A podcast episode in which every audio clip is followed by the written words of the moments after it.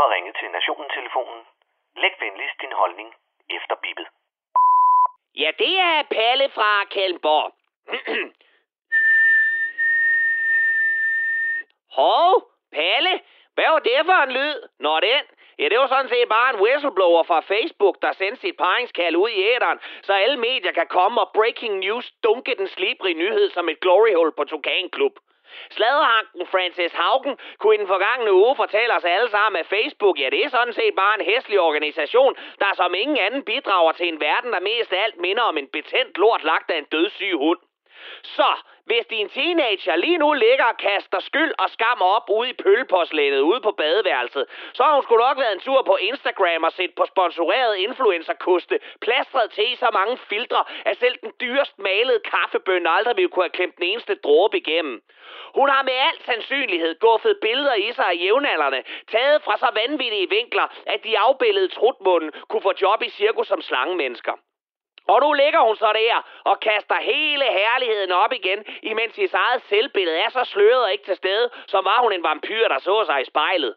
Jamen Palle, skal du som forælder så ikke tage en snak med hende og måske begrænse hendes færden på de sociale medier? Luk nu bare spælthullet, Lola Jensen. Det er sgu da ikke tid til, når jeg også skal have øje med, at min søn nu køber amfetamin på lukkede Facebook-grupper, eller om min kone sidder og skiftevis læser kageopskrifter og truer folk på livet i en debat på Anna Thysens væg med hadfuld retorik.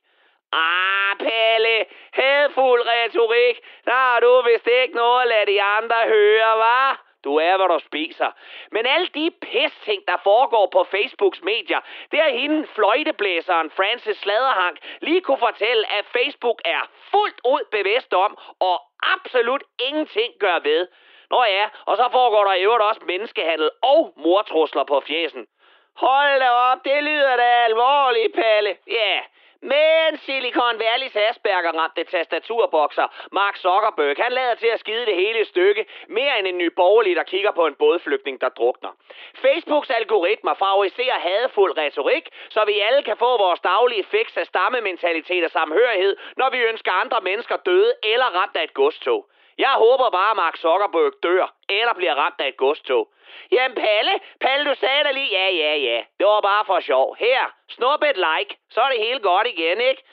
Ah, det var godt nok dejligt, Palle. Tusind tak. Nu kan jeg som menneske lidt igen.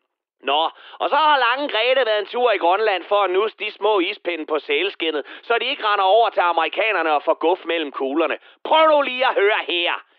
Er det virkelig det bedste, vi kan gøre som stolte koloniherrer, der i århundreder har lavet grønlænderne spise den gule sne? At sende et 81-årigt levende lig med diamanter om halsen op til fangerne, for at stave rundt i grimt eskimo kultur et par dage og spise fint med bygdernes pædofile og parterede inuitter? Er det det, der er planen?